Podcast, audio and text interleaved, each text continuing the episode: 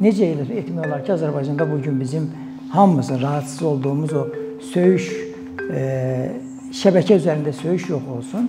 Məncə bunun ən yaxşı yolu ifadə azadlığını genişləndirmək, ifadə azadlığına görə təqibi ümumiyyətlə buraxmaq və cəmiyyətin özünü öz tənzimləmə imkanını artırmaqdır.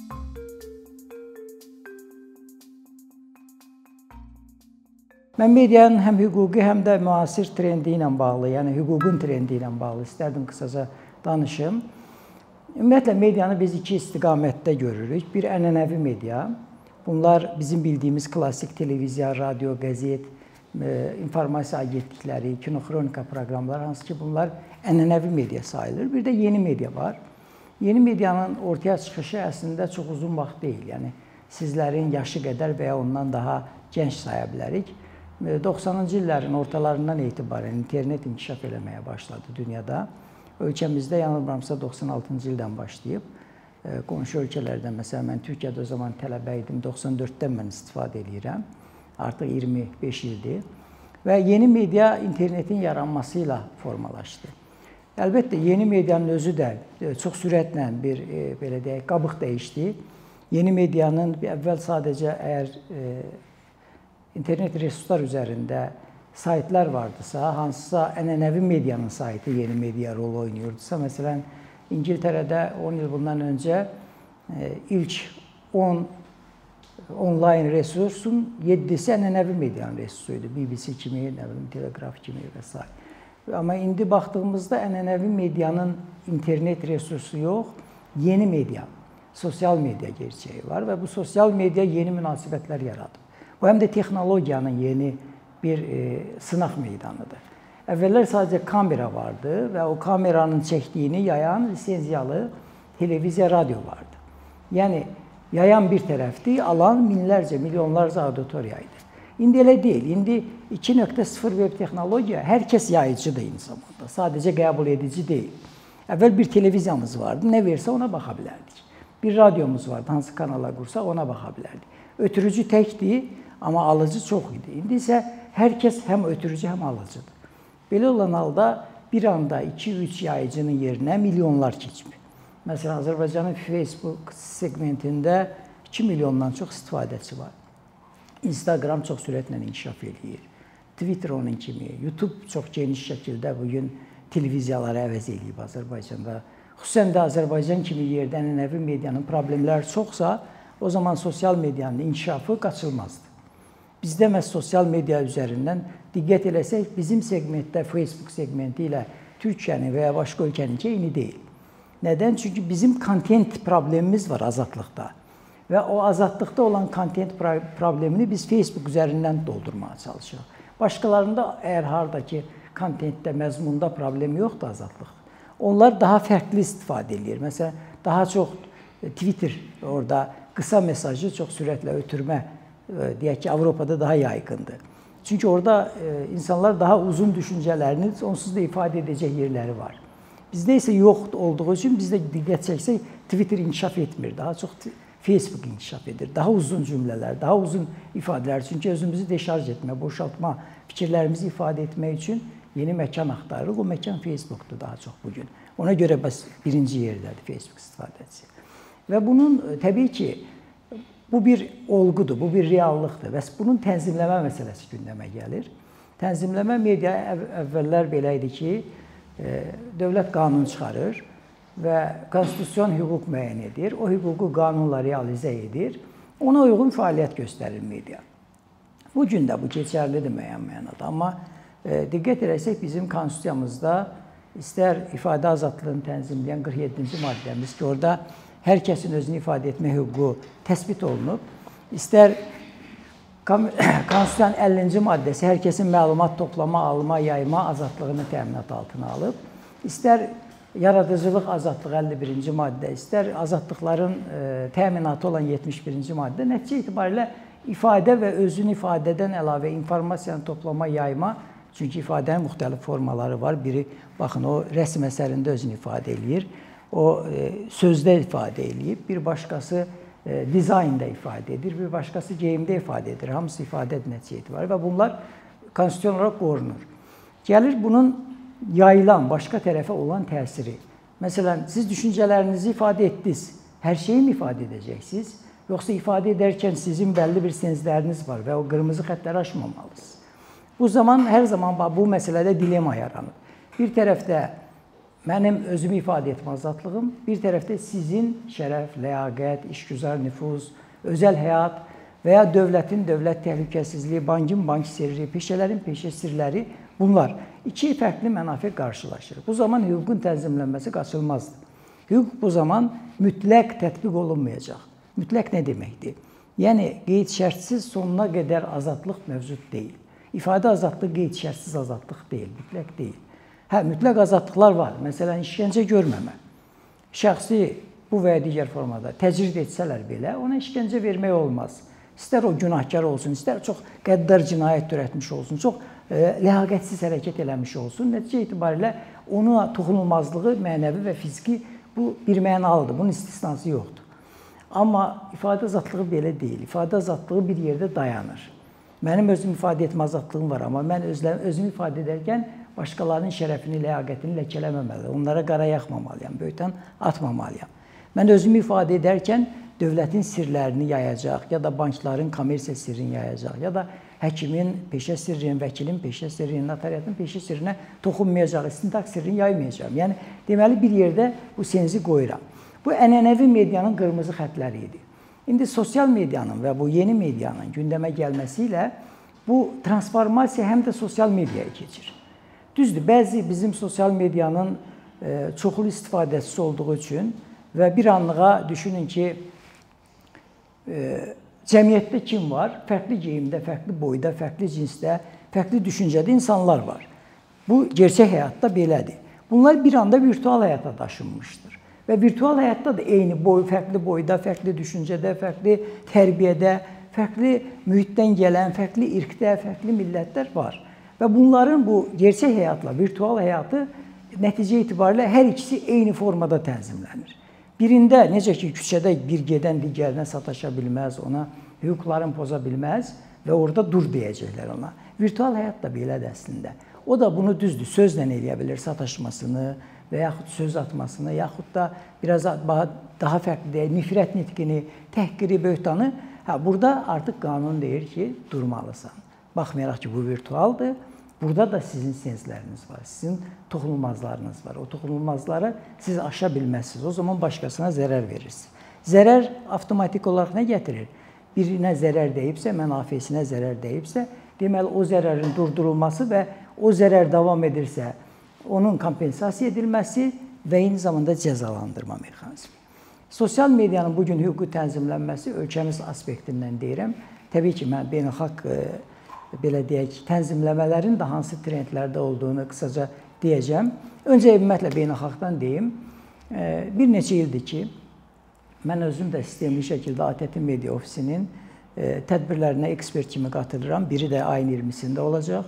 Bu təbliğat təşviqatla bağlı və ümumiyyətlə əhalinin kütləvi şəkildə siyasi təbliğata məruz qalmasının önlənməsi Rusiya yönümlü təbliğatın bu istiqamətdə. Bundan öncə də keçən oktyabr ayında bir başqası olmuşdu mövzu. Və sistemli biz e, bəlli e, beynəlxalq ortamlarda müzakirələr edirik və qanunlar necə formalaşmalıdır? Yeni hansı mexanizmlər gəlməlidir? Ən çox diqqət çəkən bir e, məqam önə çıxır. Siz sosial şəbəkədə bir status yazırsınız. Statusda birbaşa birini hədəf almamısınız. Amma sizin statusunuz altında girdi biri dərhal götürür bir başqasını hədəf alır. O hədəf ki, o təhqir də ola bilər, söyüş də ola bilər, böhtan da ola bilər, aşağılama ola bilər, qarayaxma. Bunun hamısına difamasiya deyirik biz. Daha çox şəxslərin ya şəxsi həyatına müdaxilə olur, ya difamasiya, şərəf ləyaqəti ləkələnir.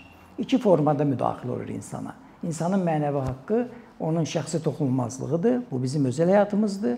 Özəl həyatımıza girər bizim intim həyat, bizim şəxsi məlumatlar, bizim özəl yaşadığımız mühit, bir də bizim E, ləyaqət anlayışımız, özümüzün özümüzə verdiyimiz dəyər. Hansı ki, onu başqası tərəfindən pozmaq olmaz və ya o zədələndimi biz o zaman mənəvi narahatlıq keçiririk. Və ya sonra keçir biz fiziki istirab da keçirə bilirik, xəstə də ola bilirik. Nə bilim, təzyiqimiz qalxa da bilər, düşə də bilər. E, fərqli e, fiziki olaraq dəyişim baş verə bilər bizdə. Bu Bir söz belə buna təsir edə bilər. Bəzən ona görə Azərbaycanda belə bir söz deyim var. Söz yaza, qılınc yarası sağalır, söz yarası sağalmaz. Yəni söz önəmlidir, insana təsir edir. Və bu zaman biri sizə bir status yazdı, altına biri girdi, şərh yazdı. Şərh yazdığı zaman e, beynəlxalq tənzimləmədə belə bir anlayış var. Təbii ki, siz status yazarkən düşünüb yazmalısınız. Düşünərkən birbaşa hədəf almısınızsa, məsuliyyət sizdədir. Amma siz heç kimi hədəf almamısınız. Ümumi ortaya bir status yazmısınız. Sizin statusunuzdan doğan bir məqam başqaları hədəf alınıb orada. Və siz bu hədəf almanı dırnaqarası ifadə azadlığı çərçivəsində toxunulmaz eləyib orada saxladığınız zaman, görəndən sonra məsuliyyət sizi də eyniləşir. Yəni siz ortaq məsuliyyət daşımağa başlayırsınız. Dünyada normalda ən çox önə çıxan trend budur. Şəxs yazıbsa, özü yazmayıbsa, onun heç bir formada başqasına zərər vermə niyyəti yoxdur. Bir başqası yazıb, o onu görənə qədər, mübahisələnənə qədər o mövzu orada qalıbsa o məsuliyyət daşımaz. Amma mübahisələndən sonra da orada qalırsa, artıq o şəxs onu ortaq olmuş olur. Dolayısıyla onu götürür. Götürməzsə, təksib etməzsə ya da onu görünməz hala gətirməzsə, məsuliyyət ortaq məsuliyyətə çevrilir. Trend budur. Yəni bir çox ölkədə bu bu gün e, mənim e, dediyim o ekspert qruplarının və eyni zamanda qanunvericilik hansı istiqamətdə təkmilləşsin deyənlərin arqumentasiyası budur. Şərhin özündə olmamalıdır. Olarsa şəxs öz hüquqların pozulduğunu düşünürsə, qarşı tərəf onu çatdırır. Qarşı tərəf dirənə bilər. Ola bilər ki, məsələn, sizin əlinizdə çox önəmli korrupsiya faktı var. Siz korrupsiya faktını yayırsınız və yaxud qismən yayırsınız. Şəxs deyir ki, burada mənim şərəf ləyaqətim pozulub, yaxud da mənim işgüzar nüfuzuma zərər gəlib, onu sil. Siz deyirsiniz, yox, mənim əlimdə kifayət qədər etibarlı faktlarım var. Mən bunu tərpətmərəm. Bu zaman artıq siz doğru qərar vermiş olursunuz. Siz əlbəttə sübutunuz varsa ortada, sizin düşüncədən heç kimsə sizi döndərə bilməz. Amma sübut yoxsa o böhtana girər. Böhtana girməməsi üçün siz sübut yoxsa, biri də hədəf alınmışsa, ola bilər siz birbaşa almadınız, bir başqası alıb siz onu təkrar paylaşmısınız. Bu zaman da ortaq olursunuz. Yəni paylaşma düzdür, ilkin mənbə olmaya bilərsiniz, amma o şəxs sizə onu xəbərdarlıq etdikdən sonra siz onu tərpətmirsinizsə, qalırsa, o zaman məsuliyyət həm də orada yaranır. Azərbaycan qanunlarına gələndə daha sərtdir bizdə qanunlar. Bizim ümumiyyətlə kütləvi informasiya vasitələri bilirsiniz ki, KİF haqqında qanunla tənzimlənir.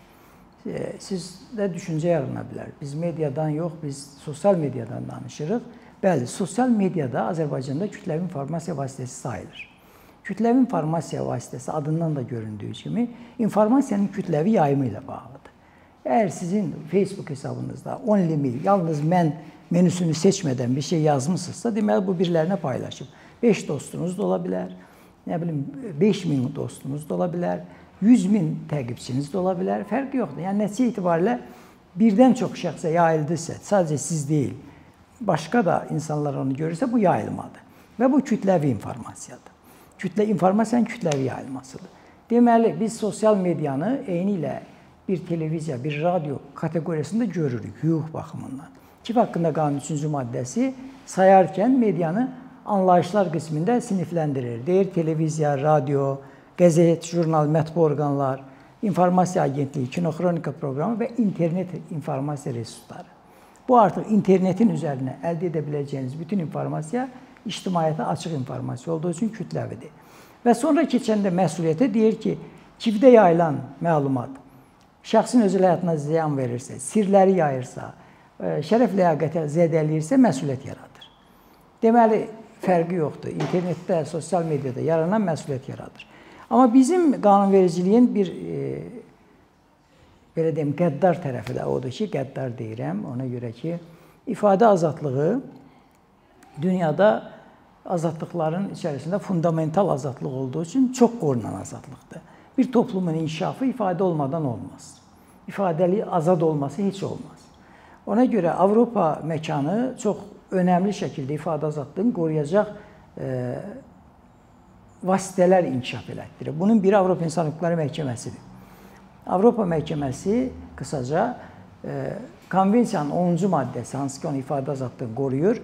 10-cu maddə çərçivəsində ifadə azadlığının tənzimlənməsini çox genişləndirib xüsusən siyasi ifadənin qoruma baxımından, xüsusən medianın, jurnalistlərin özünü ifadə baxımından qorumaqla, xüsusən e, belə deyək, ictimaiyyətdə e, hər hansı bir məsələnin sistemli şəkildə müzakirə olunub gerçəklərin ortaya çıxması üçün debat mədəniyyətinin inkişafı üçün zəruri olma çərçivəsində ifadəni qorumağa təşviq edir. Məsələn, Handicide işi var. Handicide işində çox aydın şəkildə jurnalist bir e, polisə uniformalı vəhşi dediyi halda Avropa məhkəməsi deyir ki, uniformalı vəhşi təhqir deyil. İfadə azadlığı ilə qorunmalıdır. Normalda bir insana vəhşi desəniz, o özünü təhqir olunmuş hesab eləyəcək. Amma bir uniformalı e, polisin qəddar hərəkətinə diqqət çəkmək üçün və onu daha sonra qəddarlığı önlətmək üçün Avropa məhkəməsinin bu yanaşması ifadə azadlığının nə qədər geniş qoruduğunu göstərir.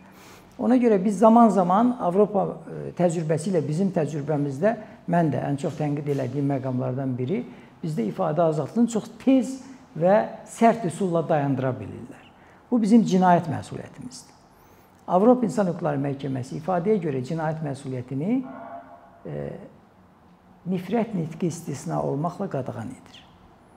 Soruşa bilərsiniz ki, nifrət nitqi nədir? Nifrət nitqi cəmiyyətdə bəlli bir qrupa qarşı, bəlli bir e, təbəqəyə, şəxsə və ya şəxs qrupuna qarşı qəsdən yönəlmiş və e, onu davamlı olaraq cəmiyyətdən təcrid etməyə və aşağılamaya yönəlik və hədəfə çevirməyə yönəlik davranışdır. Bu cinsi baxımdan da ola bilər. Bu daha çox bilirsiniz, son vaxtlar geylərin, e, bu LGBT üyələrinə falan qarşı yönəlmiş ola bilər. Bu eyni zamanda milli zəmində ola bilər, etnik zəmində ola bilər, siyasi zəmində ola bilər. Və bizdə məsələn siyasətçilərin nifrət nitqi dilində çoxdur. Filan kəsdə qara güruh belə getdi, nə bilim, bəlli qrup digərini davamlı e, fərqli hər iki tərəf görürsən siyasətdə olanlar bir-birinin nifrət dilindən istifadə edir. Toplumda diqqət eləsək siyasətdən uzaqlaşmanın bir səbəbi də toplumda siyasətçilərin dilində nifrət nitqinin çox yayğın olmasıdır. Vaxtilə biz onun monitorinqini aparanda çox e, belə deyim də təhlükəli bir trend izlədik. Gördük ki, siyasətçilər gündəlik həyatında nifrət dilindən çox istifadə edirlər. Bu da cəmiyyəti həm gərir, gərginləşdirir, həm də e, fərdlərin siyasi proseslərə marağını azaldır, qorxudur, kənarda tutur, həm də vətəndaşların öz hüququnu tələb etmədən çəkindirir. Çünki nəticə etibarilə hər kəs özünü hüququ bir başqasından öz hüququnu tələb etdiyi zaman o nifrət nitqində təsvir olunan obraza oxşadılmış olur. Dolayısıyla ona oxşamaq istəmir. Və o onu çəkindirir. Məsələn, siz bir şeylərdən danışanda mən müxalifət deyiləm deyib davam edə bilirsiniz. Nədən? Çünki əslində müxalifət olmaq bir şey deyil. Amma müxalifət o qədər nifrət nitqinə məruz qalır ki, xüsusən rəsmi mediada insanlar müxalifətlə eyniləşmək istəmir. Şuuraltı olaraq. Halbuki siz doğru olmayan şeyin qarşısında olmanız müxalifət deməkdir. Həqiqətən doğru olmayan şeyin qarşısındasınız. Əgər mənəvi cəhətdən safsızsa, bir yanlış ədalətsizliyə göz yumanmazsınız. Hökmən ona dirənməlisiniz. Amma eyni zamanda onunla da eyniləşməmək üçün özünüzü fərqli ifadə etməyə çalışırsınız. Bu əslində düşünülmüş e, belə deyim də e, və cəmiyyəti siyasi hüquqlardan kənarda tutmanın bir yoludur. Azərbaycanda ən çox istifadə olunan nifrət nitqi siyasətdədir. Məsələn, bizdə milli zəmində çox nifrət nitqi yoxdur. Düzdür, erməni məsələsi erməninin özü bizdə təhqir kimi ifadə olunur ki, bu Azərbaycan-Ermənistan konflikti çərçivəsində qarşılıqlı olaraq hər iki mediada eynidir. Onlar da bir, birini Azərbaycanlı dedikləri zaman, türk dedikləri zaman özləri təhqir olmuş hesab olur, görür və onu hətta mübahisələndirirlər. Deməli, bu sırf münaqişədən doğan problemdir. Amma bizim toplumda əlbəttə LGBT üyələrinə qarşı da nifrət nitqi var. O səviyyədə deyil, siyasi səviyyədə deyil. Mən bunu nədən dedim?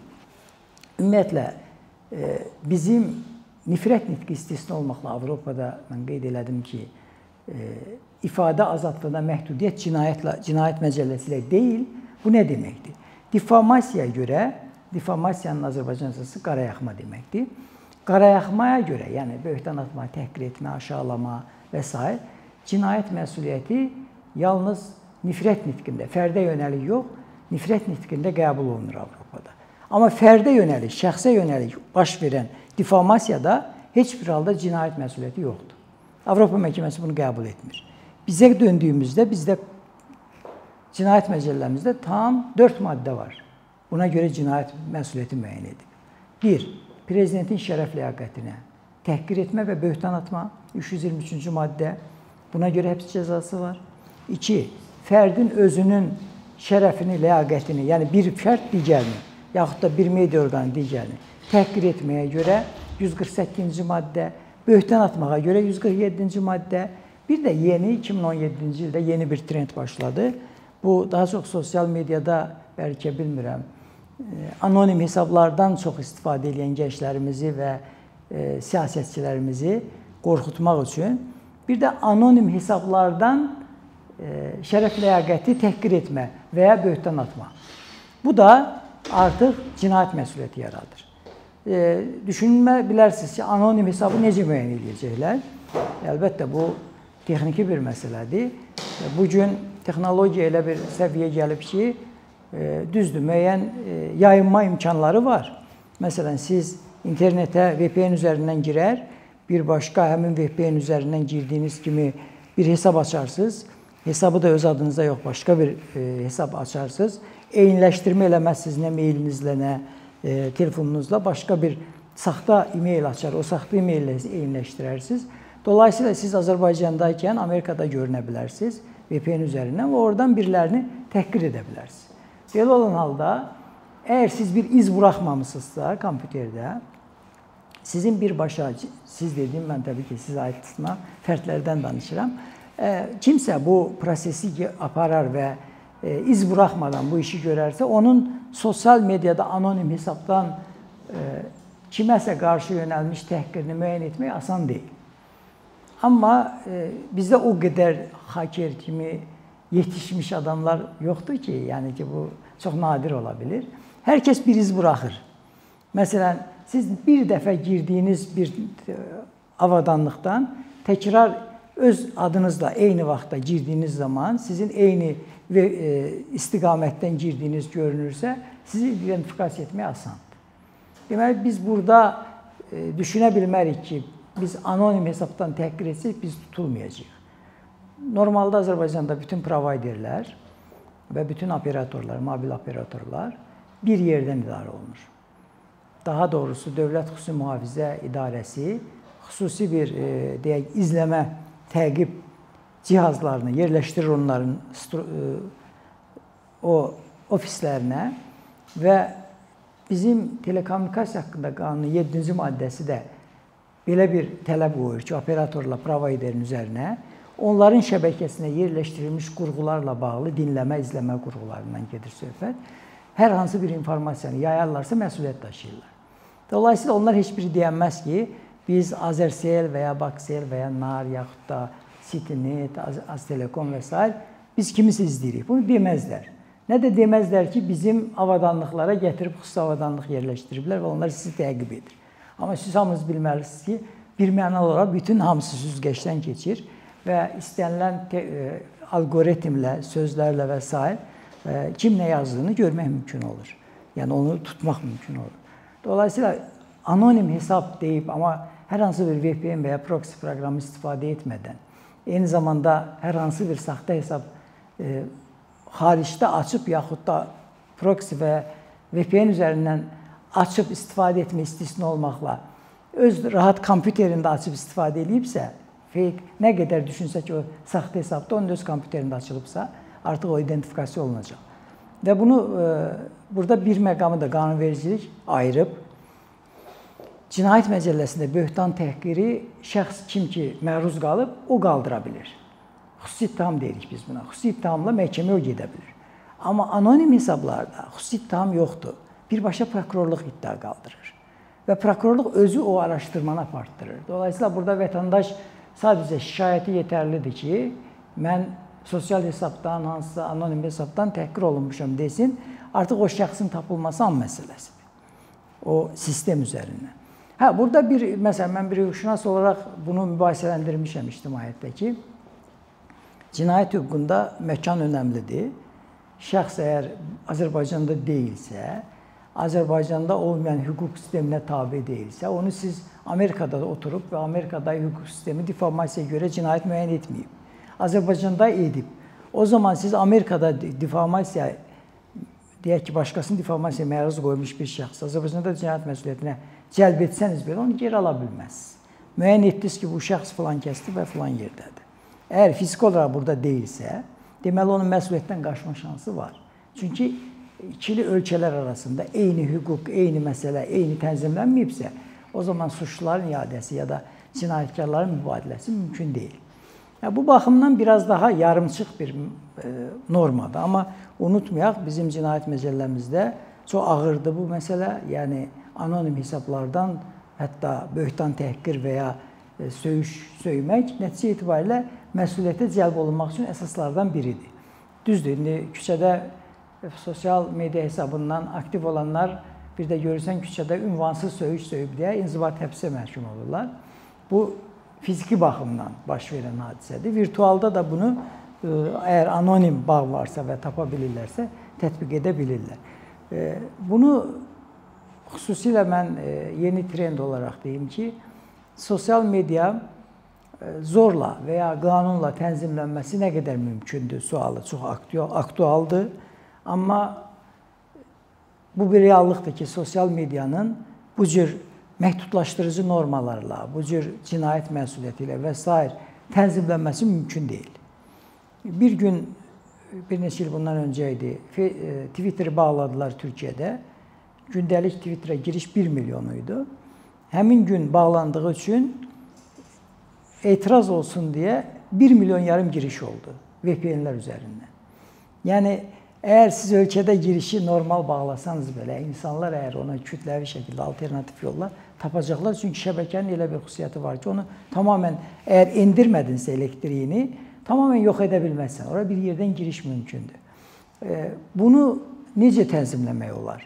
Necə etmək olar ki, Azərbaycanda bu gün bizim hamımızın rahatsız olduğumuz o söyüş e, şəbəkə üzərində söyüş yox olsun. Məncə bunun ən yaxşı yolu ifadə azadlığını genişləndirmək, ifadə azadlığına görə təqibi ümumiyyətlə buraxmaq və cəmiyyətin özünü öz tənzimləmə imkanını artırmaqdır. Mən sosial mediada 4000-dən çox dostum var e, Facebook üzərində. Mən söyüş görmürəm. Deməli mən öz dostluq çevrəmi elə müəyyən edə bilmişəm ki, orada söyüşləyən yoxdur. Beləliklə hər kəs özü əgər uyğun olduğu ortamı istəyirsə, buna uyğun şəkildə bir e, özünü senzuramı deyək, özünü filtrmi deyək, bir filtrləyərək həm dost çevrəsini, həm e, görmək istədiyi çevrəni, bəyəndiyi çevrəni beləliklə bunu sıxışdırıb kənara atıb marjinallaşdıra bilər. Və marjinallaşdıqları zaman ki, bunlar artıq başa düşürlər ki, bu effektiv deyil. Amma bu gün söyüş söyən bir videonun tıklama rekoru 1 milyona çıxırsa, əlbəttə bu effektivdir ki, eləyir. Yəni biraz bu tələb təklif məsələsidir. Aşağıdan yuxarı tələb var. Bəzən baş verən hadisələr, reaksiyalar gecikdiyi zaman toplum onu söyüşlə reaksiyanı daha rahat və daha təmin edici görür. Və o cür söyüş söyənlər tez tirajlanır. Görürsən ki, zincirvari reaksiyalar birə min artır. Məsələn, mən çıxıb konstitusiya hüququnu e, referendumdan öncə e, Meydan TV-də idi yanılmamsa, şərh eləmişdim ki, konstitusiyada nələr dəyişəcək. Bu günlərdə təsadüfən geri döndüm, baxdım 5000, 6000 izləyici baxıb ona. Amma bir axşam biri çıxıb bir söyüş söyür və baxırsan 100 min adam baxıbdı. Deməli, tələb var aşağıdan yuxarı. Bu tələbin olmasının səbəbi nədir? İnsanlar gerçək diskussiya tapa bilməyəndə o dilə önəm verirlər. O dili belə deyək də görmək istəyirlər ya da ürəyimdən tikan çıxdı. Yəni biraz o son həddə gedib çıxır. Amma normal debatlar təşkil olunsa, tutalım televiziyalarda, axşam siz çayınızı içib böyük ekranda doğrudan da bu gün burada aktual gördüyünüz məsələni orada ekspertlərin və fərqli düşüncə sahiblərinin iştirakı ilə müzakirə gördüyünüz zaman əminəm ki, söyüşü dinləməyə heç kim ehtiyac hiss eləməyəcək. Yəni çoxluq bura yönələcək və onların da reytinqi yüksələcək. Bizdə hələ bunun fərqinə varmayıblar, çünki Əslində söyüş dilini baxsaq kim gətirib? Söyüş dilini ölkədə siyasətçilər gətirdi və əlində səlahiyyət olan siyasətçilər gətirdi. Hələ vaxtilə lider televiziyasında kuklalar verilişi ilə, statın sonu verilişi ilə hansı ki, cəmiyyətin bəlli təbəqəsini hörmət etdiyi şəxsləri hədəfə çevirdilər. Daha sonra bu proses necə ki, qarşı tərəfin də əlinə silah keçdi, onun da yayım imkanı var, 2.0 web texnologiya. Onlar da başladılar, biraz daha düzdür, burada tam siyasətçilər deməyim, bəlli bir e, marjinal qrup hansı ki, onlar da əziyyət çəkiblər nə zamansa, haqsızlığa da məruz qalıblar. Bunu da bir metod kimi gördülər. Hələ də toplum da bundan bir formada buna nə deyək, belə deyək də təşviq edici bir imkan verir. Mən e, düşünürəm ki, toplum əgər söyüş görmək istəməsə, onlar nə qədər söyüş söysün, çox marjinal qalarlar, dinlənməzlər. Amma söyüşləri daha çox tirajlanır.